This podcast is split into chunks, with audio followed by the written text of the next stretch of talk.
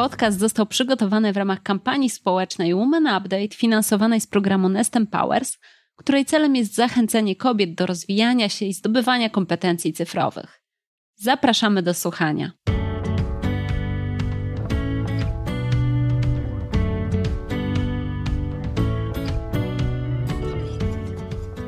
Cześć, nazywam się Agnieszka Hacińska i na co dzień prowadzę podcast Kobiety Internetu. W ramach kampanii Women Update realizuję cykl rozmów, które mam nadzieję zainspirują Was do wejścia w świat nowych technologii. Dzisiaj zapraszam Was do wysłuchania rozmowy z Justyną Adamczewską, dyrektor rozwoju operacyjnego techniki w Orange Polska. Justyna opowie, jakimi cechami w jej ocenie powinny charakteryzować się liderki IT. Podzieli się też swoimi wskazówkami dla osób, które chcą sięgnąć po wyższe stanowiska w tej branży, nawet jeśli wcześniej nie miały doświadczeń w IT.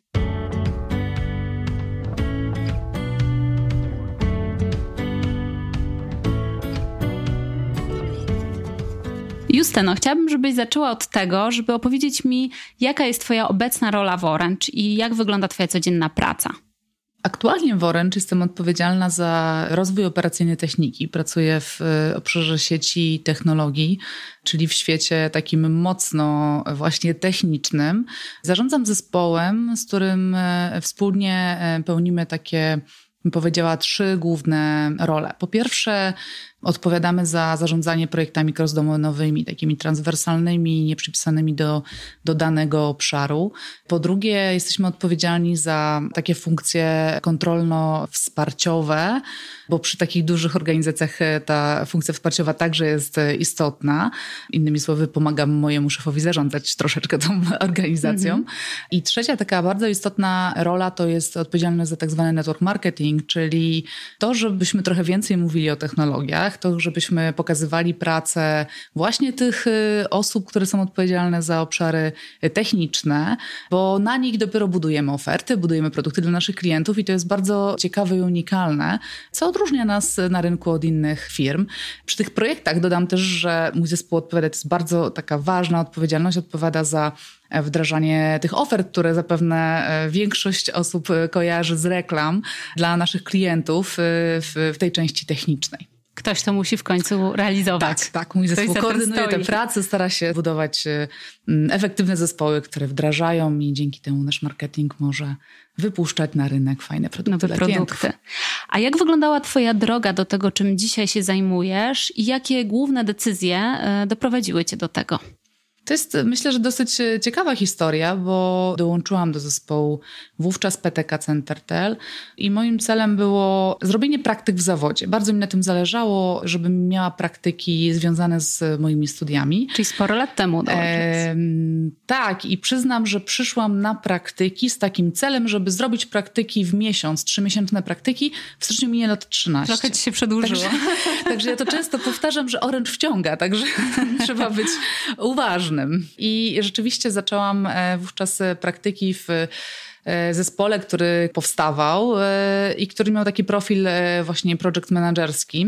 I od samego początku rzeczywiście ten profil mi towarzyszył w mojej karierze zawodowej. Bardzo się zainteresowałam tak naprawdę właśnie tą rolą, bo po pierwsze byliśmy blisko techniki, ale byliśmy też blisko biznesu. Więc bardzo jasne było dla mnie, po co coś wdrażamy, coś robimy.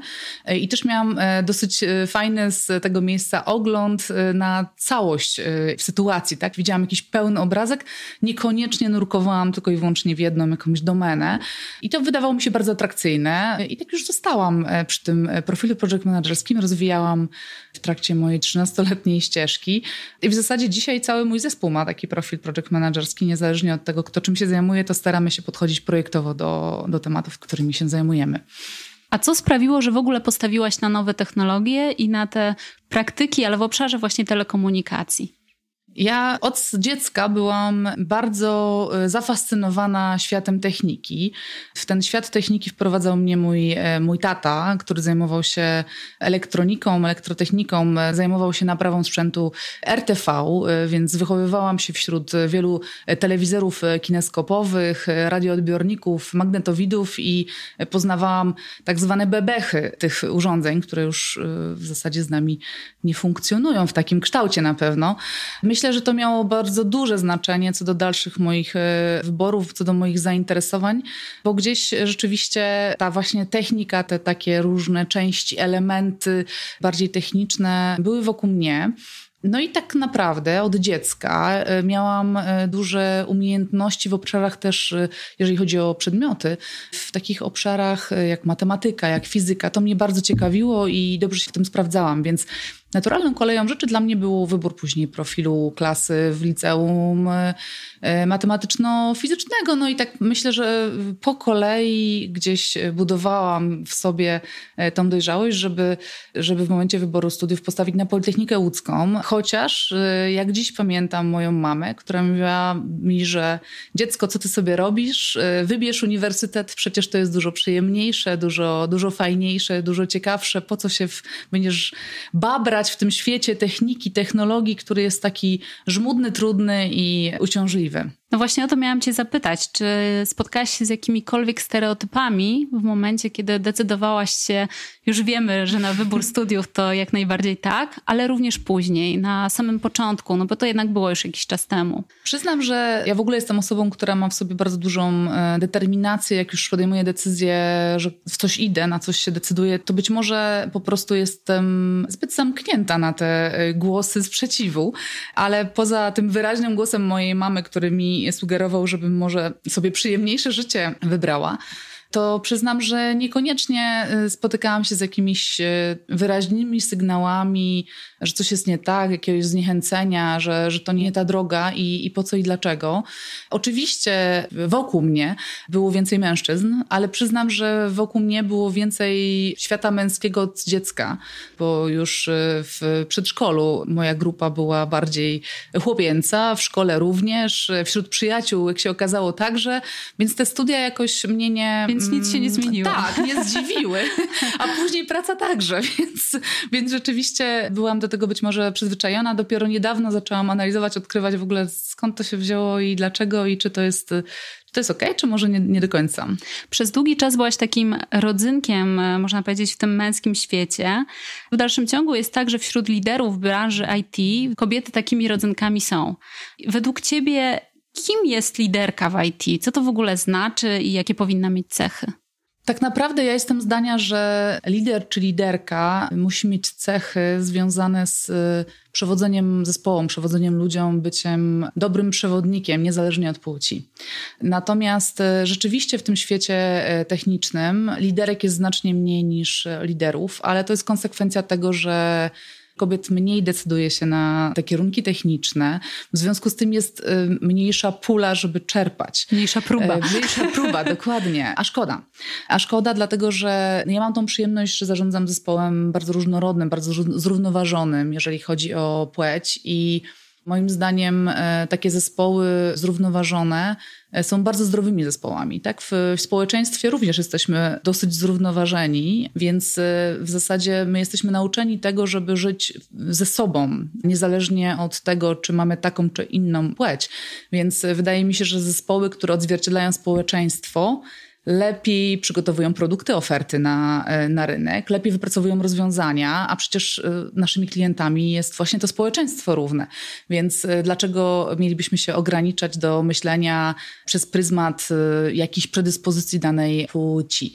Jeżeli chodzi o liderki, Myślę, że kobiety mają w sobie bardzo dużo barier w sobie, które sobie nakładają takie kagańce zupełnie niepotrzebnie, że nie dadzą rady, że w tym świecie męskim to przecież jest taka straszna walka, że przecież macierzyństwo, że obowiązki domowe. Natomiast y, myślę, że to jest wszystko kwestia odpowiedniego ułożenia, zaplanowania, zorganizowania życia i można się spełniać zarówno zawodowo, jak i, jak i rodzinnie. A jakie są Twoje rady dla kobiet, które chciałyby na przykład awansować w strukturach właśnie firm z obszaru IT? Co powinny zrobić, aby wyrobić sobie cechy tej liderki, tak? Albo sięgnąć po tą liderską rolę? Dla mnie najważniejsza jest odwaga. Jeżeli nie znajdujemy w sobie odwagi, to to już jest e, pewien problem. E, żeby być dobrym liderem, trzeba być odważnym, trzeba potrafić czasem się nie zgodzić, czasem nie być, jak to mówią, dobrą ciocią czy dobrym wujkiem, ale też trzeba potrafić doceniać, chwalić, trzeba potrafić przewodzić właśnie ludziom. Ale dla mnie wszystko zaczyna się od odwagi. Od odwagi bycia sobą, bycia autentycznym i na tej autentyczności można dopiero coś budować. Bo jeżeli lider, liderka nie jest autentyczna, to prędzej czy później to zespół wyczuje. Po prostu wyjdzie. E, więc ten zespół nie do końca będzie cenił taką osobę. Dalej, bycie liderem to nie tylko mm, współpraca z zespołem, to współpraca ze swoimi piersami, tak, zasobami na podobnym szczeblu w organizacji i ta umiejętność budowania relacji. Mm. Więc tutaj znowu kłania się odwaga. Jeżeli nie mamy w sobie odwagi, nie potrafimy mówić, to nie będziemy dostrzeżeni. Jeżeli nie będziemy dostrzeżeni, to nasze zdanie nie będzie się liczyło. W związku z tym różne schematy, różne systemy, które się w organizacjach buduje po to, żeby systematycznie zarządzać w jakiś konkretny sposób zespołami, nie będą uwzględniały naszego zdania. Więc coraz bardziej będziemy wykluczani na boku i niedopasowani do organizacji, która będzie szła być może w taką stronę, która niekoniecznie nam pasuje. Więc dla mnie osobiście wszystko zaczyna się gdzieś od tej odwagi. I tak naprawdę, jak zdecydujemy się na ten krok, no to właśnie to jest wyraz, y, ten pierwszy krok, tak? To jest wyraz odwagi też, więc nie czekajmy, aż ktoś nas zaprosi na rekrutację, ktoś nas dostrzeże. Nie łudźmy się, że tylko jak będę idealna, to wtedy będę nadawać się na jakieś stanowisko. Nie, nieprawda. Trzeba próbować, trzeba właśnie znajdować sobie odwagę, żeby sprawdzić, sprawdzić siebie, sprawdzić, czy to już, czy sprawdzić, gdzie nam ewentualnie czegoś brakuje, nad czym musimy popracować, a nie czekać. No właśnie, bo bardzo często jest takie przekonanie, że ktoś jest taki i taki, ma predyspozycję do tego i tego. I bardzo często wiele osób tak myśli o rolach liderskich, że to jest coś, z czym trzeba się urodzić. Czy ty też uważasz, że to jest coś, z czym trzeba się urodzić, czy można się tego nauczyć? Na przykład tej odwagi. Myślę, że na pewno są cechy, z którymi jak się rodzimy, jest nam zwyczajnie łatwiej. Niektórzy mówi się czasami, że niektórzy są na takimi naturalnymi liderami, tak? Niczego nie musieli się nauczyć, tylko tak samo im z wychodzi. Z matki. Tak, dokładnie, wyssane z mlekiem matki. Natomiast prawda jest taka, że nawet te osoby dochodzą do jakiejś ściany, do jakiejś granicy. Bycie liderem e, to jest sztuka, której po prostu należy się nauczyć. Jedni będą w tym osiągali poziom mistrzostwa, inni nie, ale to nie, nie oznacza, że tylko mistrzowie mogą być liderami.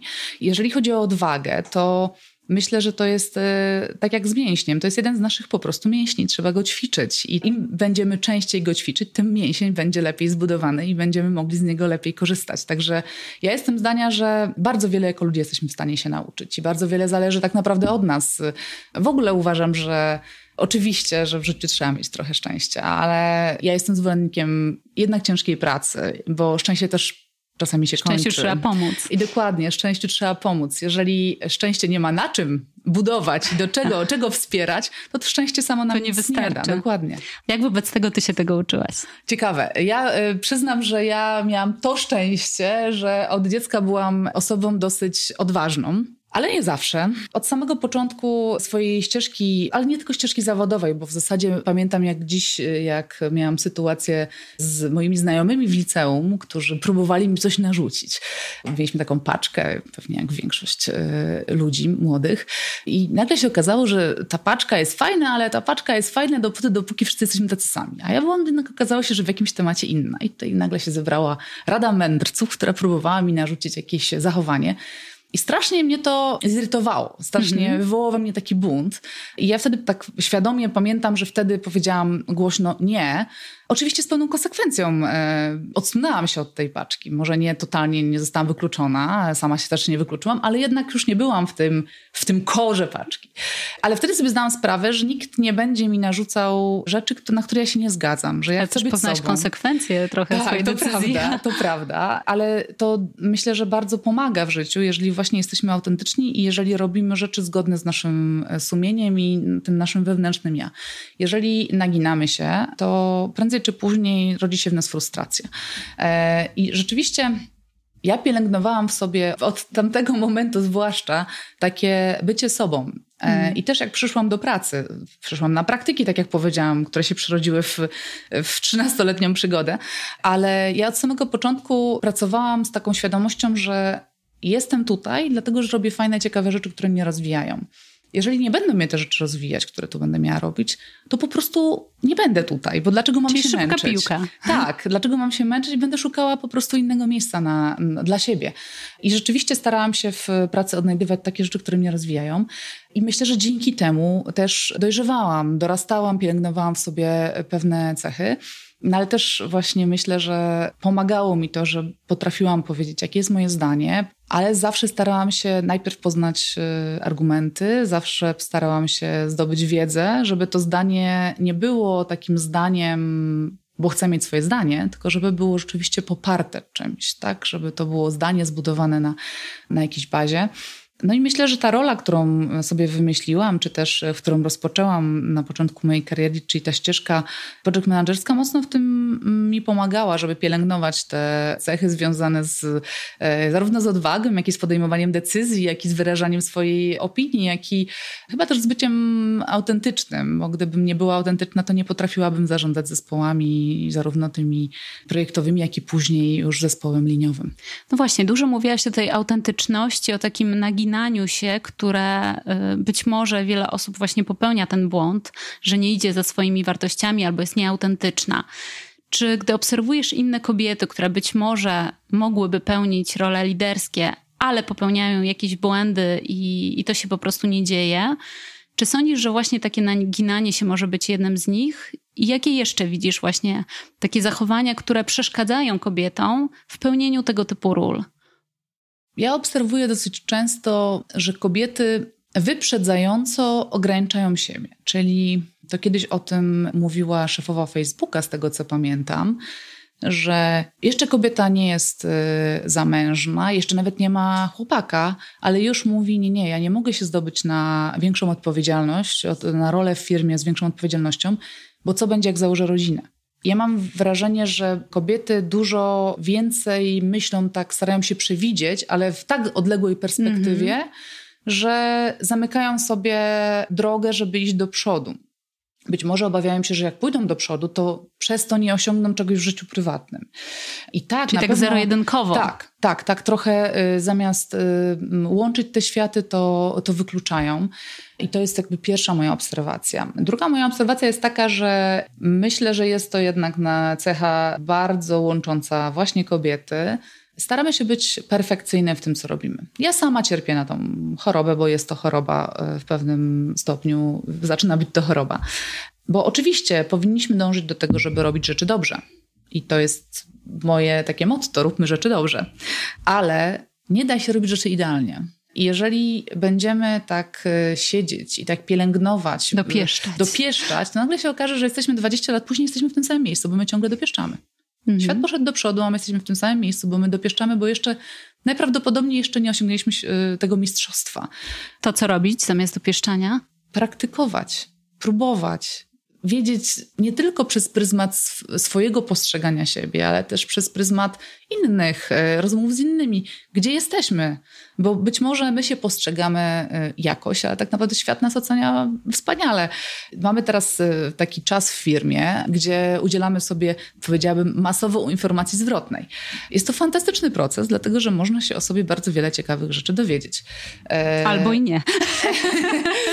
Przyznam szczerze, że taka jest właśnie pierwsza myśl, że kurczę, kurczę, dowiem się dobrych, ale też złych rzeczy. Tylko co się okazuje, i to jest fantastyczne, ja jeszcze nie znalazłam wśród moich przynajmniej najbliższych współpracowników osoby, która by jakoś ucierpiała na tym procesie na tej dawania sobie informacji zwrotnej, bo Myślę, że to wiąże się z tym, że nagle odkrywamy, że inni nas postrzegają jako fajnych ludzi i rzeczywiście mamy sporo tych fajnych cech. Oczywiście jest sporo do poprawy, ale u każdego.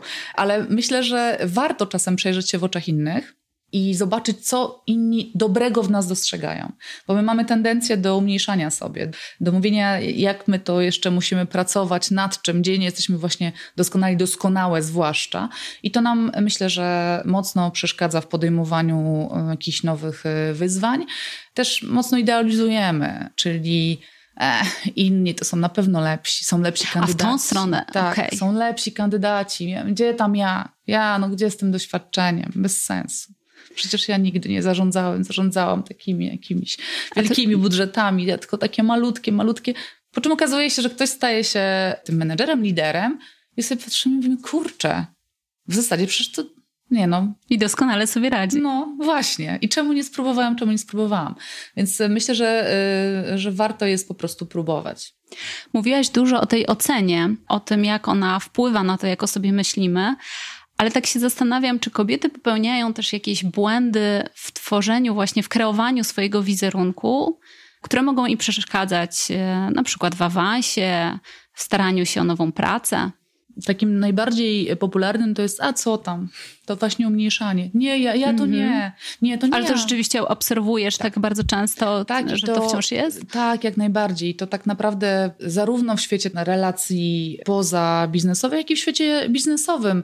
W ogóle niewiele osób, ale u kobiet moim zdaniem to jakoś bardziej jest widoczne, potrafi z taktem mówić o swoich osiągnięciach z taktem w rozumieniu to nie jest że to nie jest łatwe. Ale albo są takie osoby, które się przechwalają i ewidentnie to jest takie niefajne już.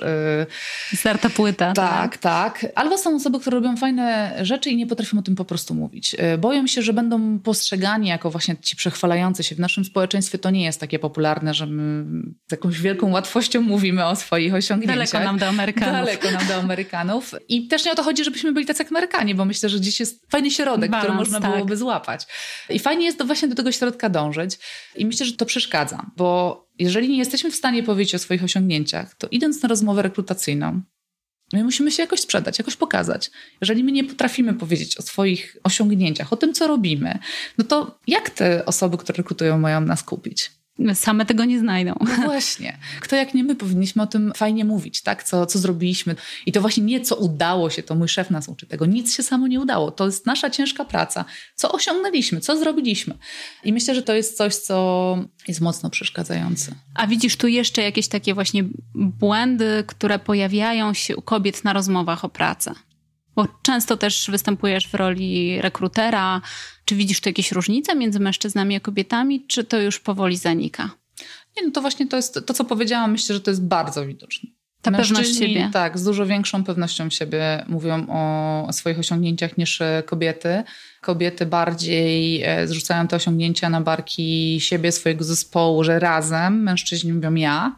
Tak, myślę, że ta pewność siebie i ta umiejętność e, opowiadania o swoich sukcesach gdzieś mężczyznom, mężczyznom łatwiej, z większą lekkością przychodzi niż, e, niż kobietom. Ale oczywiście to też nie jest reguła, tak? Pamiętajmy, że jesteśmy różni i to, o czym mówimy, to są jakieś takie spostrzeżenia średnie, ale to nie znaczy, że wszyscy tak mają. Mm -hmm.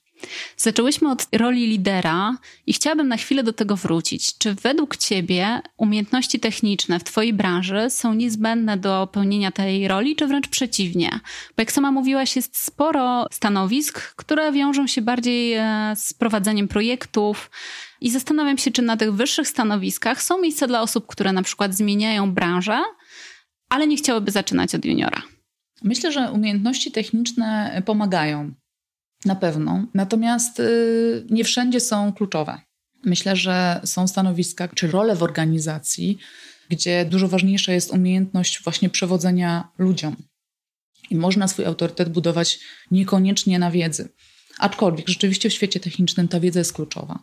I gdzie niegdzie trudno jest y, bez tej wiedzy y, ruszyć y, do przodu. Natomiast myślę, że naprawdę świat techniki jest tak różnorodny i zwłaszcza teraz tak obszerny, że wiele jest obszarów, które nie są takie strasznie mocno technologiczne, gdzie ta wiedza jest po prostu kluczowa. I myślę, że naprawdę każdy jest w stanie sobie znaleźć fajne miejsce i ciekawe i się rozwijać. I rozwijać ten świat. A co według Ciebie powinna zrobić osoba, która chce dobrze się zaprezentować, właśnie zmieniając branżę i chcąc iść w kierunku IT? Przede wszystkim ona sama musi wiedzieć, z jakiego powodu chce dokonać tej zmiany i co skłania ją co do tego. Żeby, dokładnie. Bo jeżeli sama nie będzie wiedziała, to nie, znowuż nie przekona tej komisji rekrutacyjnej. Nie będzie autentyczna, tak? tak e, po co to robi, tak? I myślę, że to jest bardzo ważne, żeby sobie w, w głowie tą historię ułożyć, e, z czego wynika ta zmiana. Myślę, że jeżeli ktoś nie ma takich mocnych kompetencji e, technicznych, to powinien zaprezentować swoje cechy i osiągnięcia w zakresie leadershipu. No i dla mnie osobiście bardzo ważne byłoby, żeby ta osoba wykazała chęć zdobycia tej wiedzy i to nie chęć tylko taką wyrażoną, wyartykułowaną, ale też popartą jakimiś nazwijmy to dowodami, tak? Mm -hmm. Więc y, oczekiwałabym od takiego kandydata, kandydatki, że opowie, w jaki sposób tą wiedzę jednak stara się nabyć. Bo, Czyli konkretny y, plan, jaki ta osoba widzi. I co już zrobiła, mm -hmm. tak? I co już ta osoba zrobiła, bo jednak y, jeżeli ktoś zaczyna tylko i wyłącznie od przebranżowienia, od wysłania CV, no to myślę, że trochę to jest takie nie po kolei, że warto byłoby jednak trochę liznąć tej merytoryki, żeby chociażby potrafić później odnaleźć się w tym świecie, w rozmowach, w dyskusjach i mieć taką e, też swobodę w rozwiązywaniu problemów. Liderzy są także po to, żeby pomagać zespołom rozwiązywać problemy. Nie zapominajmy o tym, więc ta wiedza jest. E, Zwłaszcza w tym roku. Tak, tak, tak. Ten rok nam pokazał, że technologia jest ultra ważna w naszym mm -hmm. życiu codziennym. Myśląc o tych dowodach, masz na myśli tutaj jakieś konkretne kursy, projekty realizowane przez te osoby? E, tak, znaczy ja uważam, że zawsze przed y, taką zmianą, przed przebranżowieniem się warto jest naprawdę dla siebie sprawdzić, czy poza tym, że gdzieś czytamy, że coś może być fajne, kolorowe, jest tak super i wszyscy nam mówią, że w ogóle teraz to wszyscy muszą programować, e, to, to warto sprawdzić, czy to rzeczywiście jest bajka dla nas. Mhm. Mm, I myślę, że raz no, pozyskanie wiedzy poprzez, poprzez kurs na pewno jest pomocne i tu kursów jest bardzo dużo na rynku, płatnych, bezpłatnych i można, e, zwłaszcza na tym e, poziomie podstawowym, sprawdzić, czy to jest nasz świat. Ale ja jestem od zawsze byłam praktykiem i uważam, że dla mnie dużo ważniejsze niż certyfikaty, papierki, to jest ważne doświadczenie. Więc ja bym zachęcała najpierw do, do spróbowania jakiejś mobilności małej, wzięcia udziału właśnie czy w jakimś projekcie z, z, danego, z danej branży, czy po prostu podziałania w, przy tej branży branży w różny sposób, żeby liznąć, żeby dotknąć, żeby samemu się przekonać, że to jest coś fajnego. Czyli na przykład jako freelancer. Na przykład, na przykład, mhm. y, ale też myślę, że jest bardzo dużo takich y, fundacji, organizacji, które umożliwiają działania różne, poznanie ludzi z branży i zanurzenie się w e, świat, taki czy inny, tak żeby troszeczkę właśnie... Liznąć. E, liznąć, tak. Jak ja, jak ja chodziłam na studia, to już wówczas był ten kierunek e, programowanie, programowanie, w ogóle programowanie jest najważniejsze i rzeczywiście Myślę, że trzy czwarte, jak nie więcej osób z, mojego, z moich studiów w branży gdzieś programistycznej pracuje jednak tak ja, jak spróbowałam programowania, to powiedziałam, że to będzie ostatnia rzecz, jaką w życiu będę robiła. Po prostu nie i koniec. Pomimo, że miałaś bardzo twarde kompetencje. Tak, i pomimo, że moje studia to właśnie była e, telekomunikacja z elementami informatyki, gdzie tego programowania trochę było.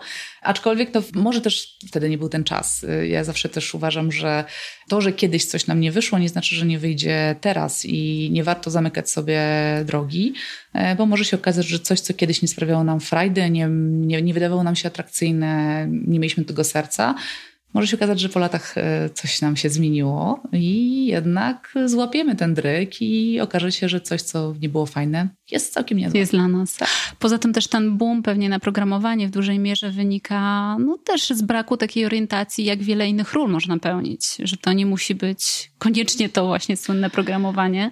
Albo, że świat programowania to nie tylko jest kodowanie, tak? O, Bo to, właśnie. to trochę o to chodzi. A kodowanie to mm, rodzajów kodowania języków programowania jest naprawdę dużo i ten poziom zagłębienia się w szczegóły jest olbrzymi i można być jakimś ultra specjalistą, ekspertem, który po prostu tworzy nowe, niesamowite rzeczy, które naprawdę wymagają doświadczenia i jakichś takich umiejętności ponadprzeciętnych, a można równie dobrze, nie wiem, zająć się, czy tam zacząć od testowania, od bardziej takich ról zarządczych, tak, jakiś Scrum Master, tak, jakby tutaj wiele jest takich ról wokół tego świata kodowania, które nie są takim kodowaniem, jak ja właśnie sobie wyobrażałam to dawno, dawno temu, że po prostu człowiek siedzi i, I świata nie widzi. za linijką i nic Poza. więcej go nie interesuje.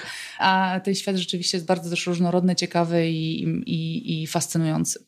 Twoje rady na koniec dla kobiet, które chcą sięgnąć po więcej w IT? Nie bójcie się dziewczyny. Uważam, że ten świat jest tak fascynujący, y, tak różnorodny i jest to świat, który tak naprawdę jest driverem do zmiany naszej, naszego społeczeństwa, tego, co nas wokół otacza. Fajnie jest być częścią, współtwórcą tej zmiany. Także ja wszystkich gorąco zachęcam, żeby rzeczywiście wchodzić w ten świat techniki, żeby się nie obawiać, żeby wyzbyć się maksymalnie tych stereotypów, które mamy w głowie, że to tylko dla kogoś. To dla wszystkich, to naprawdę dla Właśnie, wszystkich. Właśnie, w głowie, w głowie przede tak, wszystkim. I każdy znajdzie tutaj fajne miejsce. Świetnie, dzięki ogromne. Najbardziej chyba w tym wszystkim, co powiedziałaś, podoba mi się to, że można iść, tak jak wspomniałaś, za swoimi wartościami i tworzyć ten świat e, od środka, wyznaczając też te kierunki. Zdecydowanie, dziękuję bardzo. Dzięki również. Dziękuję Wam za wysłuchanie wskazówek Justyny Damczewskiej, która podzieliła się swoim wieloletnim doświadczeniem z pracy w IT. Justyna pokazała, jakie cechy i kompetencje warto rozwijać, gdy chcemy sięgnąć po wyższe stanowiska w IT niezależnie od tego, czy zamierzamy zmienić branżę czy stanowisko w ramach tej samej firmy.